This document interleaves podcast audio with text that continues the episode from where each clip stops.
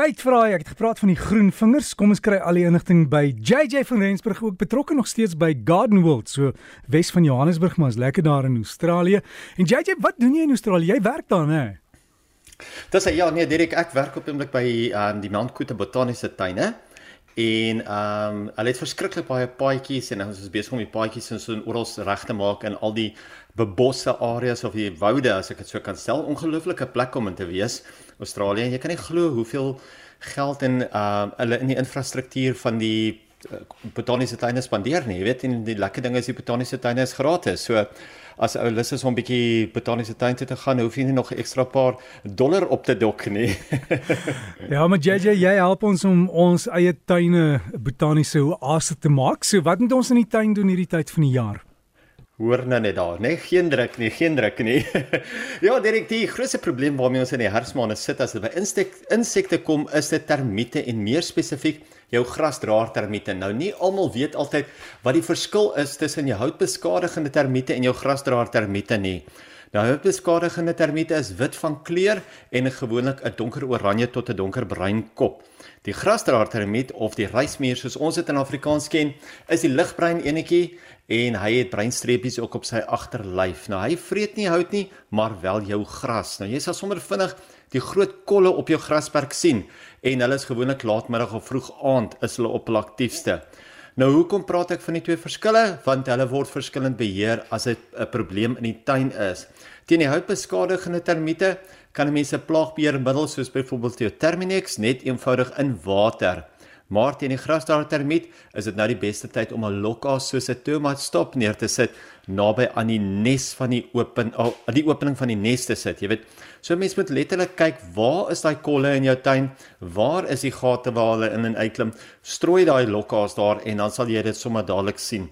Gelukkig as jy nou laatmiddag vroeg aand uh na jou grasperk te loop en jy sien daai kolle, gaan jy eintlik sien hoe aktief hulle daar besig is. En die probleem is, hulle kan binne 'n dag of twee kan hulle eintlik 'n groot gedeelte van jou grasperk verwoes. So maak maar seker dat as jy 'n snaakse kol daar sien, gaan doen maar 'n bietjie inspeksie en kyk wat is die oorsaak.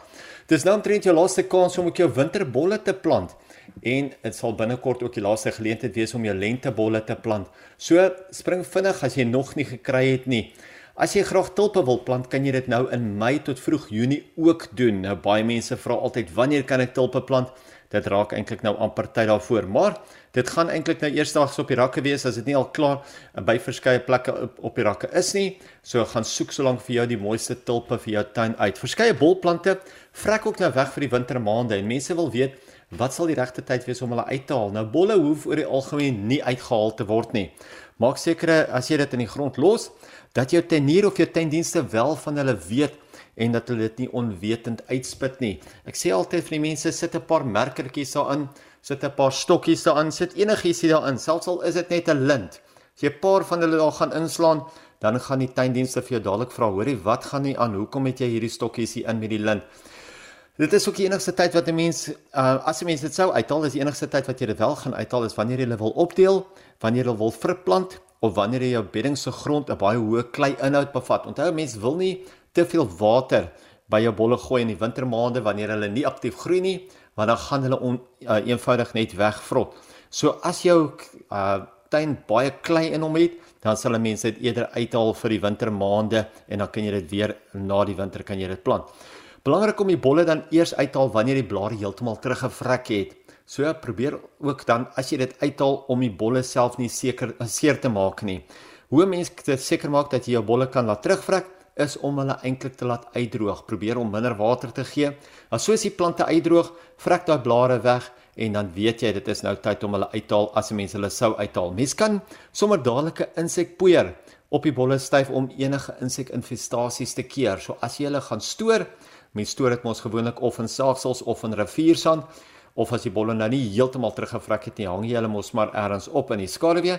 Maar sou jy hulle stoor ergens in saagsels of in die riviersand, dan kan jy sommer dadelik 'n insekpoeier ook op die bolle styf en as dit 'n baie klam area is waar hulle was, kan jy selfs ook 'n fungusdoder ook as 'n poeier op die bolle self styf om die insek en fungusinfestasies of probleme eintlik dan sommer stop te sit. Daar's twee gebeurtenisse wat ek vinnig net van noem wat in Johannesburg en Pretoria gaan gebeur oor hierdie naweek en volgende naweek. Hierdie naweek is dit natuurlik die Noordelike Klivia Klub bied weer 'n herfsklivia skou aan en dit is net vandag by die Safari Tuin sentrum te sien. So as jy nogal 'n klivia fanatikus of entoesias is of net 'n beginner is en jy hou daarvan om klivias te koop wat nie noodwendig net in die lente blom nie, meeste van jou gardenia variëteite en jou nibelisse blom nou, gaan kyk bietjie by die Safari Tuin sentrum. Daar's net vandag 'n uh, klivia skou aan en natuurlik volgende naweek is Moedersdag. So dat uh, daar's weer 'n lekker middagete by Garden World met Hannes van Wyk. Gaan loer sommer op die Garden World webtuiste daarvoor. Ek gaan natuurlik alles en ook die Clivia Club details sommer weer op my Facebook bladsy en ook op die Breakfast met Derek Facebook bladsy sit. So as enigiemand daarso wil loer, is hulle welkom gaan kyk sommer daar en dan kan jy bespreek as dit nodig is.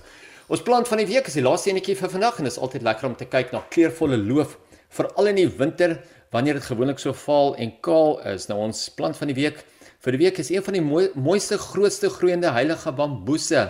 Ek weet ek het al verskeie keer gepraat van die kleiner variëteite. Nou hierdie enetjie groei baie groot. Dit is die Nandina Dragon Flame.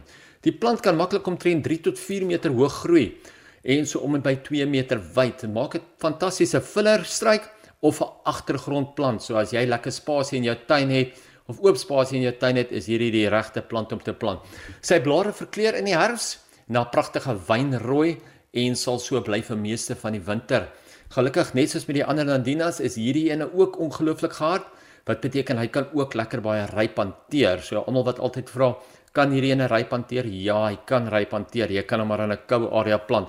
Hy maak natuurlik wit blommetjies uh wat gevolg word deur bloedrooi bessies in die somermaande. Die plant is waterwys as hy eers gevestig is. So om hom net eers te vestig, moet 'n mens maar gereeld nat gooi en dan daarna kan jy amper van hom vergeet.